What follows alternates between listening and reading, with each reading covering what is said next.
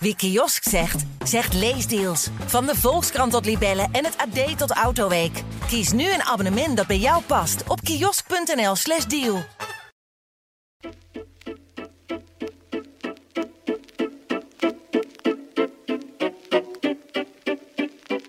Welkom bij Haags Half Uurtje, de politieke podcast van Trouw. Mijn naam is Christophe Schmid. De komende weken is in Egypte de grote VN-klimaattop. En uh, daarop gaan we vooruitblikken aan de hand van de nieuwste cijfers uh, over het Nederlands klimaatbeleid, waar nogal wat aan schort. En dat doen wij met uh, mijn collega Niels Marcus. Niels, welkom. Dankjewel. Niels, we maken ons allemaal op voor de, de, grote klimaatconferentie de komende twee weken in Egypte. Maar jij weet iets te vertellen over een van de allereerste klimaattoppen internationaal uh, die in de wereld zijn gehouden. Een, een zeer onbekende evenement voor velen van ons. En Ed Nijpels, oud-minister van Milieu in de jaren tachtig, die heb jij geïnterviewd de afgelopen week. En die wist jou daar alles over te vertellen. Ja, klopt. Ja, want hij heeft die top heeft hij georganiseerd. Hier eigenlijk vlakbij Den Haag, in Noordwijk was dat, in Huis ter Duin. En daar kwamen ministers van enkele tientallen landen, van 68 landen ongeveer, kwamen er bij elkaar. Welk jaar was dat ook alweer? 1989, nee. ja. Om, uh, om het te hebben over het klimaatprobleem. Want het was toen toch ook al, stond, begon toen echt wel onomstotelijk vast te staan dat de mens hier een rol in heeft en dat de mens het ook moet uh, afremmen, omdat er anders in de toekomst grote problemen ontstaan. En Nijpels heeft die top georganiseerd met eigenlijk best wel hoge ambities vanuit Nederland. Hè? Die had hij van tevoren geformuleerd. En um, nou ja, hij is, een, hij is een optimistisch mens, zei hij. Maar hij werd toch af en toe wel droevig als hij terugdacht aan die top en aan die periode. Omdat uh, hij werd op een gegeven moment door een journalist herinnerd aan, uh, aan die top die, uh, die hij ooit georganiseerd had. En um, hij heeft toen laten narekenen wat er nou precies was hoe ver we hadden gestaan met het klimaat als toen die ambities zijn, waren uitgevoerd. En, en uit die berekeningen bleek dat, uh, dat, dat we dan nog nou ja, de helft verder waren geweest dan we nu. Uh, dus de, de klimaatopgave was nu maar half zo groot geweest als die nu daadwerkelijk is. Oké. Okay. Dus daar, daar zijn flinke kansen blijven liggen destijds. En dat kwam omdat toen de grote landen, uh, de VS, Canada, Rusland, die stemden toen uh, de, de, plannen weg. Ja, maar om het even in de tijd te plaatsen, want we hebben het dus over eind jaren 80, uh, toen die klimaatdiscussie nog lang niet zo hevig was als nu. Nee. En bovendien hadden we toen een VVD-CDA-kabinet, waarvan je achteraf ook kan zeggen van nou, waren die nou zo groen uh, in die tijd? Maar Nijpels zegt dus van wel. Ja, nou ja, je had wel... Uh, je had wel ook stromingen binnen VVD. Hè. Nijpels was, een, uh, was iemand die eigenlijk vanaf het begin uh, milieuproblemen wel zag. En uh, daar ook als minister echt serieuze voorstellen voor gedaan heeft. Dat gold ook voor zijn voorganger, Pieter Winsemius. Ook een VVD'er, ook minister van Milieu. Nelly Kroes zat toen ook echt wel op de lijn dat er meer moest gebeuren met het, met het milieu. Uiteindelijk is dat kabinet Lubbers 2 is ook gevallen over milieumaatregelen, het Nationaal Milieuplan. Uh, van Nijpels, omdat de ministers het er wel mee eens waren, maar um, een, een, een, een, subsidieregeling eigenlijk voor de automobilist werd afgeschaft en de VVD-fractie uh, trok daar een streep. Die vonden dat de mensen al genoeg moesten inleveren en de automobilist die moest niet bloeden. Oké, okay, dat, dat, komt nu opeens bij mij ook van alles boven. Nationaal Milieuplan. Um, maar goed, toen was er dus al wel binnen de VVD een soort richtingenstrijd, zo te horen, tussen de ouderwetse, ouderwetse, uh, de, de auto-minded leden en de, en de Nijpels-Vincemius-achtige uh, progressieve ja, ja, ja, ja, er zijn altijd wel verschillende stromingen geweest. Waarbij toch altijd vaak wel de stroming uh, die, die de auto belangrijk vond. Hè, en om met Mark Rutte te spreken. Uh, dat je wel vond dat je vooral moet kunnen blijven barbecuen en een bal gehakt moet kunnen eten. Die groep die uh, heeft wel heel lang ook altijd eigenlijk de overhand gehad de grote landen die destijds hun minister naar, uh, naar Noordwijk stuurden. Dus was een Amerikaan bij en een Rus en een Canadees. Ja. Die ja. waren toen eigenlijk het minst uh, te porden voor, uh, voor, voor klimaatbeleid. Ja, daar is het uiteindelijk op stuk gelopen, zegt Nijpels. Ja, zeker. En dat die grote, grote landen, zeg ook maar gerust de grote uitstoters, dat die dwars liggen, dat, dat hebben we eigenlijk in de jaren daarna, tot, kort, tot voor kort geleden, uh, dat zien we terugkomen steeds bij die klimaattoppen. Ja, dat is volgens mij ook het grote probleem geweest bij echt de grote, belangrijkste klimaattop uh, tot nu toe. Hè. In 2015 in Parijs, daar zijn echt doelstellingen gezet om de klimaatverandering voor op maximaal anderhalve graad te houden. Hè? Of nou, liefst anderhalve graad, maximaal twee, maar echt niet hoger. Mhm. En ja, dat is uiteindelijk ook een vrij ja, niet bindend en ja, ik wil niet zeggen slap, maar uh, vrij, enigszins vrijblijvend akkoord geworden. Ook omdat de Verenigde Staten daar ook geen harde, geen harde eisen aan wilden stellen. Ja, maar dan ben je ook inderdaad heel gevoelig voor politieke wind die waait. Want het, het, akkoord van Parijs werd gesloten onder Barack Obama. en toen kwam Trump en die heeft dat hele akkoord in de prullenbak gegooid. Ja, ja, die is gelijk uitgestapt. Ja. Inmiddels zijn ze weer terug. Maar goed, zo, zo, zo gaat dat windvaantje maar heen en weer bij sommige machtige landen. Maar goed, het is een grote opgave voor grote landen, maar ook kleine landen worstelen er soms mee. Ik weet niet of je Nederland een klein land mag noemen, maar afgelopen weken was het in ieder geval in Nederland Klimaatweek. En tegelijkertijd daarmee kwam, kwamen nieuwe cijfers naar buiten van het Planbureau voor de Leefomgeving. En jij bent daar ingedoken. Ja, klopt. Ja, dat is eigenlijk een soort traditie geworden sinds Nederland ook om aan die Parijsdoelen te voldoen. een eigen klimaatwet heeft. In die klimaatwet is opgenomen dat in 2030 de CO2-uitstoot aanvankelijk op 49% moet zijn. Dat is verhoogd door het kabinet en door Brussel tot 55%. Liefst is er nog een streven 60%. Um, en uh, onderdeel van die wet is ook dat één keer per jaar in het najaar uh, klimaatcijfers naar buiten komen. Waarin uh, het PBL zegt, kabinet, jullie staan er nu zo en zo voor om, het, om die ambities al dan niet te halen. En een rode lijn daarin is eigenlijk dat de PBL elk jaar zegt van ja, je bent er nog niet. En dit jaar was dat ook weer het geval. Um, constateerde het PBL dat Nederland nog lang niet genoeg doet, nog lang niet ver genoeg is, dat er wel beleid aangekondigd is, maar dat dat enigszins onzeker is en dat er extra beleid nodig is. En in cijfers uitgedrukt is dat dus dat Nederland in 2030, als echt alles goed gaat, uh, maximaal op 50% CO2-reductie zit in 2030. Dat is dus 5% te weinig hè, ten opzichte van, uh, van het wettelijke, wettelijke doel. En minimaal op uh, 39 procent. Mm -hmm. Ja, en dan zit je dus heel erg ver verwijderd van, uh, van 55 procent. Of zelfs de, hè, de wens van het kabinet om misschien zelfs 60 procent te halen. En welke maatregelen hebben we het er dan concreet over? laat ik zeggen, de, de ontbrekende maatregelen. Wat zou er nog bij moeten komen? Um, waar het uh, PBL op wijst, wat eigenlijk nog niet genoeg gebeurt. Wat inmiddels wel iets meer gebeurt door de, de hoge energieprijzen en de oorlog in Oekraïne, is energiebesparing gewoon. Hè? Want wat je niet uitstoot, uh, wat je niet verbruikt, dat hoef je ook niet. Uh, nou ja, ja, goedkoopste energie is de energie die je niet gebruikt. Exact. Ja. Um, ja, en, en, en, en verder, ja, het kabinet, het kabinet denkt nog na over extra maatregelen. Want ze zagen dit al lang aankomen. Met Prinsjesdag heeft het PBL eigenlijk al gezegd van let op kabinet, deze cijfers komen eraan, hè, die 39 en 50 procent. En toen heeft uh, Rob Jette, de minister van, van Klimaat, heeft extra maatregelen aangekondigd. En daar wil het kabinet uh, mee aan de slag de komende tijd. Uh, en um, je zei al van ja, het is een wet, het is een, zowel een Europese als een Nederlandse wettelijke verplichting om dat doel te halen in 2030. Maar stel nou dat dat, dat, dat niet gebeurt. Ik bedoel, uh, moet, we kunnen moeilijk Nederland de gevangenis instoppen, uh, omdat ze die wet hebben. Wat, wat zijn de consequenties als het mislukt? het lijkt me dat dan groepen burgers naar de rechter kunnen stappen weer. En, en, Nederland hier wel toe kan dwingen en tot dwangsommen kan, kan dwingen. En dat is natuurlijk eerder gebeurd. Hè. We hebben het Urgenda-fonds gehad. Eerst in 2015, het kabinet is meerdere keren in beroep gegaan. Wat was dat precies? Uh, elke keer beroep verloren. Dat verplicht het kabinet om in 2020, hè, dus al twee jaar geleden, een kwart de uitstoot terug te hebben gebracht ten opzichte van 1990. En uh, dat is eigenlijk maar één keer gelukt en waarschijnlijk gaat het dit jaar ook lukken. En dat is eigenlijk niet zozeer te danken aan het voortvarende kabinetsbeleid, maar vooral te danken aan externe omstandigheden. 2020 is het gehaald, dankzij de coronacrisis. Hè, toen zijn we met z'n allen natuurlijk thuis gaan werken, minder gaan, uh, uh, veel minder auto gaan rijden enzovoort. En dat heeft uiteindelijk ertoe geleid dat we toen net boven die grenzen uitkwamen. Hè, iets meer dan 25% bespaard. Maar het jaar daarna, toen de economie weer op gang kwam, toen doken we er gelijk weer onder.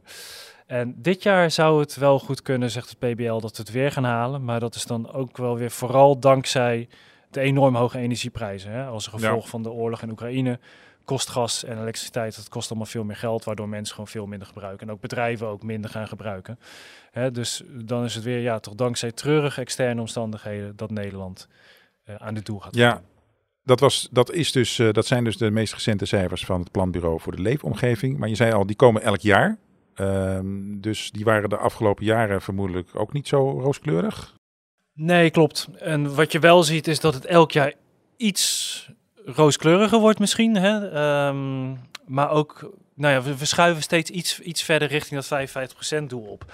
Maar ja, waar het dit jaar eh, tussen de 39 en 50% de verwachting is, was het vorig jaar tussen de 38 en 48. Dus ja, dat is maar, heel miniem, uh, een miniem verschil vergeleken ja. met vorig jaar. Terwijl wel ja, het vorige kabinet noemde zich het groenste kabinet ooit, maar dit kabinet wil nog veel meer aan klimaat doen. Hè. We hebben een speciale klimaat- en energieminister voor het eerst, in de persoon van Jette.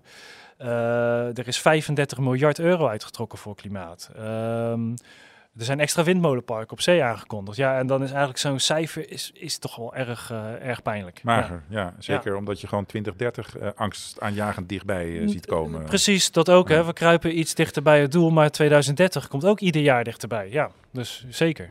Ja, maar dan vraag je natuurlijk af, als het PBL elk jaar met die slechte cijfers komt, um, waarom staat de, de, politiek daar niet veel eerder van op zijn kop? Ja, uh, goede vraag. Uh, als ik dan weer teruggrijp naar Ed Nijpels, dan uh, ja, zegt hij dat, dat de politiek dit nooit echt belangrijk genoeg gevonden heeft. En dan wijst hij vooral naar zijn VVD-partijleider, tevens de premier Mark Rutte.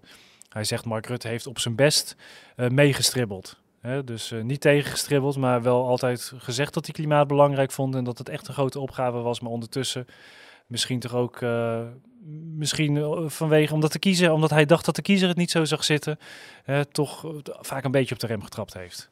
Oké. Okay.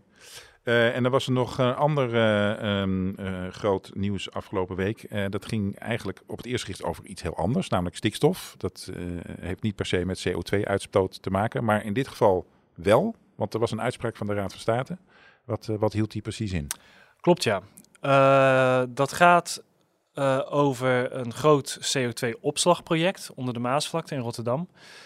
Um, dat, dat heeft het kabinet zich al heel lang voorgenomen om, om, om CO2 op te slaan onder de grond. Hè, want wat je opslaat komt niet in de, in de atmosfeer terecht. Dus dat is echt vanaf 2025 moet het echt een hele grote bijdrage leveren aan de klimaatplannen van het uh, kabinet. Even voor mijn begrip, sorry, maar uh, CO2 opslaan, hoe, hoe, hoe, hoe, pak je de rook en de uitlaatgassen uit de lucht? Eigenlijk met een soort installaties op schoorsteenpijpen en dat wordt dan met, met, met, met, met, met pijpen wordt dat dan ook weer ondergronds uh, onder de Noordzee gepompt. Oké. Okay.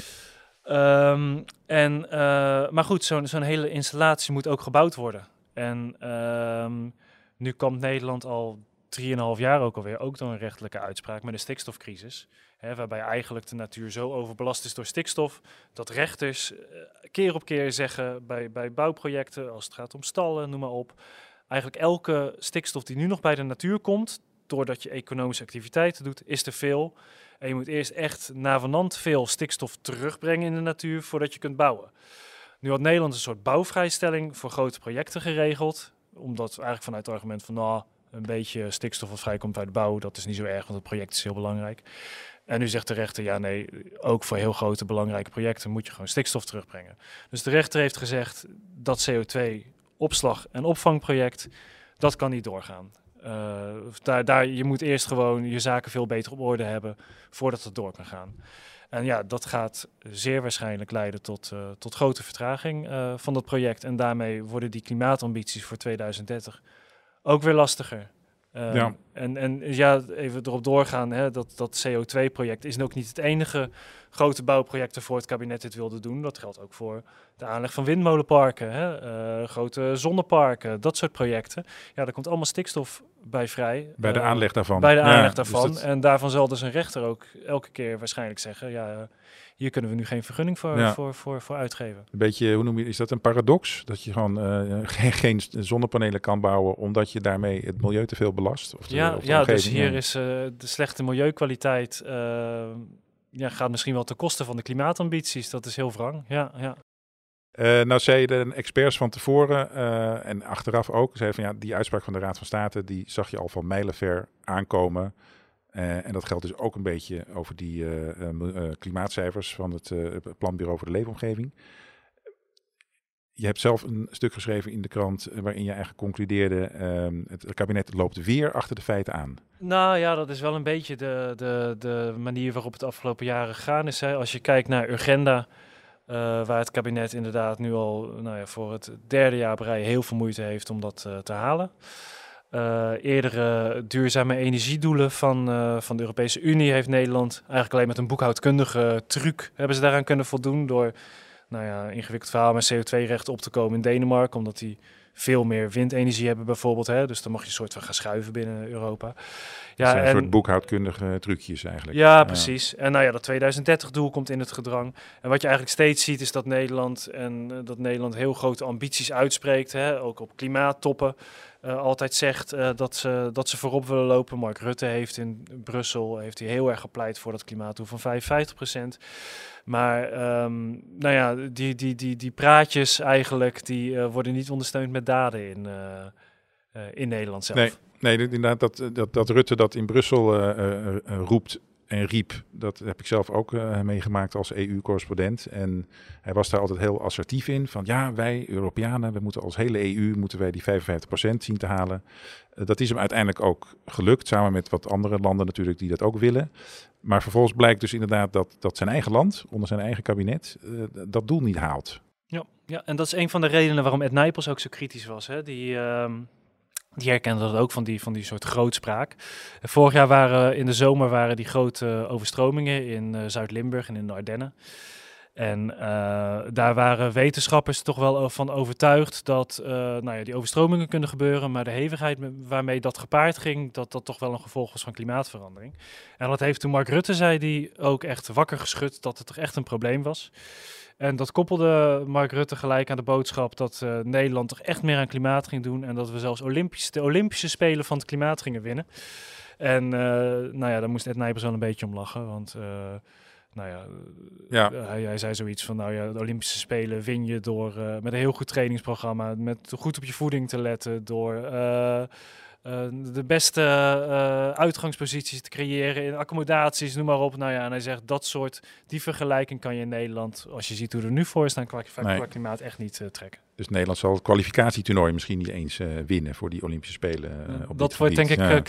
krap lastig. Ja, ja. Nou, misschien niet alleen Nijpels, die vond dat een opvallende uitspraak. Waarschijnlijk ook andere landen, voor zover ze dat hebben meegekregen over die Olympische Spelen. Um, veel pessimistische geluiden, maar zijn er nog mogelijkheden voor dit kabinet om die doelen wel te halen? Heeft het planbureau daar iets over gezegd? Dat wordt uh, knap lastig. Uh, de onzekerheden, zei het planbureau, zijn ook groot. Hè? Zij zagen ook die stikstofuitspraak uh, al aankomen.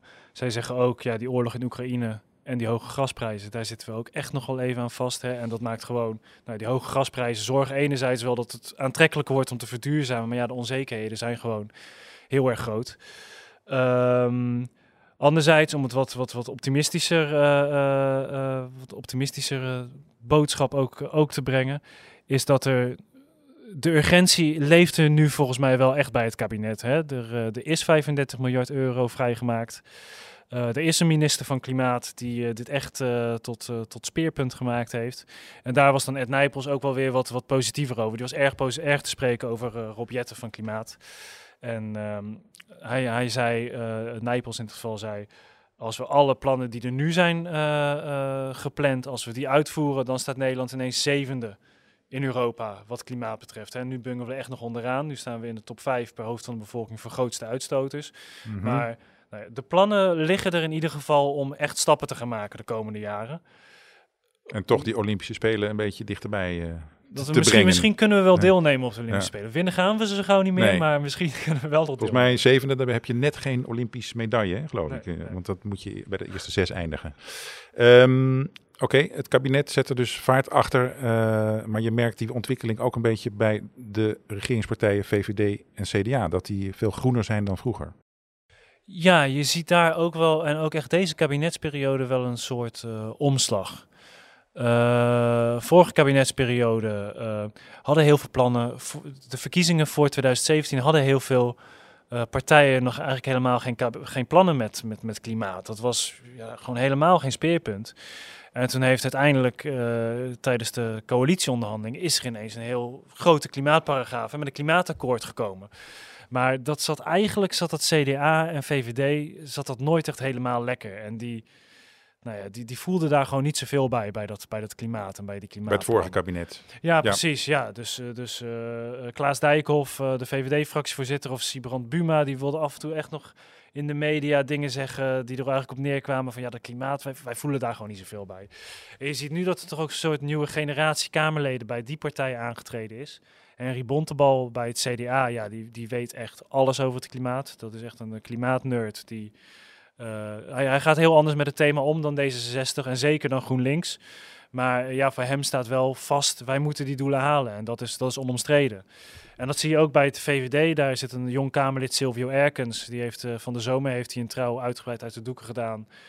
Hoe de VVD over, over klimaat denkt. En ook dat is anders dan, dan die andere partijen in de coalitie. De VVD gaat er heel erg vanuit dat de markt dit nog steeds wel kan oplossen. En dat, nou ja, dat je met innovatie heel ver komt. Veel verder dan, een, dan, dan linkse partijen dat bijvoorbeeld denken.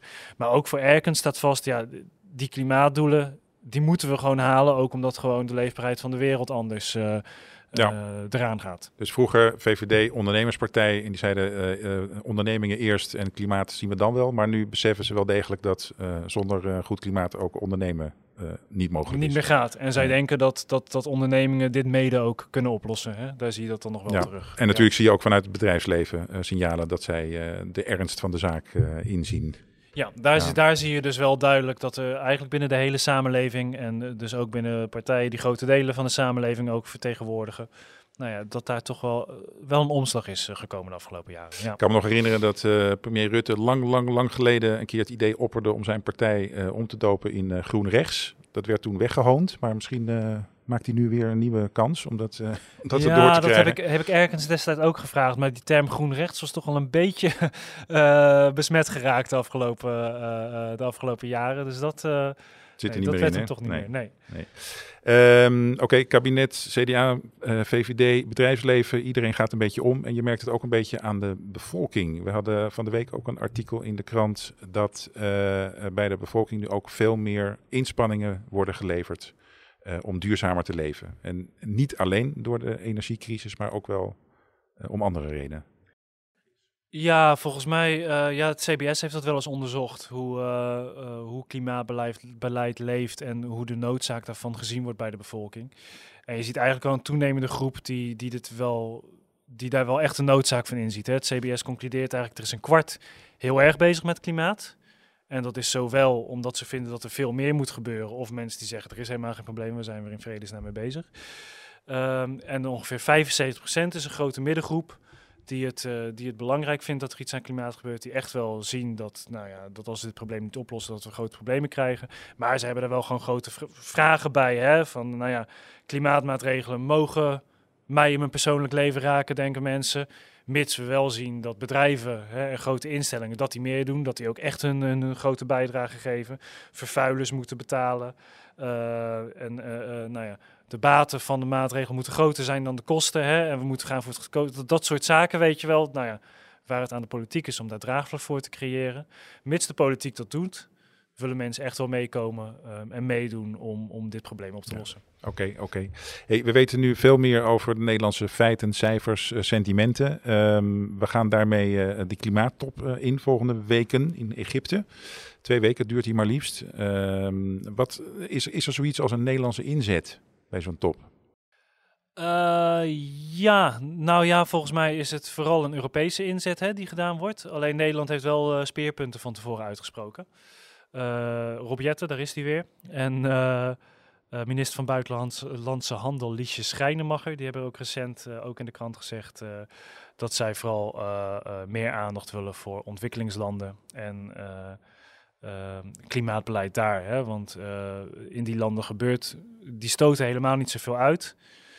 daar gebeurt ook nog niet zo heel erg veel, maar zij voelen wel vaak al de grootste nadelen van klimaatbeleid. Ja. Dat kan zijn door droogte, uh, verziekte oogsten. Zagen we in Pakistan uh, een tijdje terug. Enorme overstromingen nou. in Pakistan. Eiland, uh, eilanden in de Pacifische Oceaan die al heel erg te maken hebben met zeespiegelstijging. dat, daar willen zij meer aandacht voor, voor hebben. En dan gaat het vooral om geld. Hè? Want ze willen eigenlijk dat, dat rijke landen een oude belofte nakomen. om 100 miljard dollar naar die ontwikkelingslanden te sturen. om zich aan te passen aan klimaatverandering. Daar gaat het niet zo goed mee met, die, met, met, dat, met dat pleidooi. Nee, want dat werd volgens mij al in 2015 afgesproken in Parijs. Hè, dat daar 100 miljard per jaar uh, voor moet worden uitge, uitgetrokken. En dat moest er eigenlijk al elk jaar in de periode 2020-2025 zijn. Ja, nou, we zijn al halverwege die periode. En uh, dat geld, uh, dat hele bedrag, dat is er niet. Ehm, Nederland heeft daar wel, Schijnemaggers en Jette hebben wel zelf, zijn ze met 1,8 miljard gekomen tot 2025. Uh, dat is een eerste stapje. Ze gaan proberen om andere landen hier ook in, uh, in mee te krijgen. Oké, okay, dus in dat uh, opzicht probeert Nederland wel een voortrekkersrol terug te pakken, als je het zo mag zetten, die, die ze zijn kwijtgeraakt op klimaatgebied. Misschien een beetje, ja, ja, ja. ja kan maar goed. Oké, okay. Jetten, ministers Jetten en Schrijnemacher die gaan dus naar Egypte en premier Rutte gaat ook. Maar ja. die speelt, wat voor een rol speelt hij precies daar? Uh, Rutte en andere regeringsleiders, uh, president Biden komt ook bijvoorbeeld, die, die komen echt alleen de eerste dag van de top. Komen ze eigenlijk een beetje de urgentie vaststellen. En, fotomoment. Uh, fotomoment. Ja. Misschien met wat anderen met elkaar praten over dit onderwerp of andere onderwerpen. Um, en eigenlijk het werk, het echte werk gaat pas daarna beginnen. Zo'n top duurt uh, twee weken en dan gaan allerlei ambtenaren en allerlei diplomaten, die gaan zaaltjes, conferenties, uh, werkgroepen in. En die gaan dan werken aan, nou ja, de, nou ja, aan elk onderwerpje van, van het klimaat wat je maar kan verzinnen. Oké, en dan uiteindelijk rolt er een akkoord uit uh, dat inderdaad door alle landen van de wereld, uh, behalve een enkele uitzondering zoals Noord-Korea en Syrië, die er waarschijnlijk niet bij zijn, maar de rest van de landen die moeten daarmee akkoord gaan. Dus dat is per definitie een moeizaam proces. Laten we hopen dat het uh, dit keer wel lichtpuntjes biedt, die taaie onderhandelingen. Nee, volgens mij is de trend wel sinds, uh, sinds die allereerste klimaattop en al die andere klimaattoppen daarna. Uh, het is niet voor niks dat er elk jaar zo ongeveer een nieuwe top uh, is gekomen die, nou die elk jaar enigszins wel weer een teleurstelling geweest is. dus de trend is dat het bijna elk jaar, nou ja, het, het, het, het, het, het gevoel wat overblijft is dat het, toch, dat het toch allemaal net niet genoeg is. Dus nou ja, het valt te hopen dat dit jaar die trend een keer gekeerd wordt. Oké, met die positieve noot sluiten we af. Dit was Haags half uurtje voor deze week, de politieke podcast van Trouw. Dankjewel uh, Niels voor jouw uh, deskundige commentaar. Graag gedaan. Deze podcast wordt gemaakt door Hanna van der Wurf. Uh, wilt u meer podcasts luisteren van Trouw, dan kunt u kijken op www.trouw.nl slash podcast. En we hebben ook een e-mailadres haagshalfuurtje.trouw.nl. Tot de volgende keer.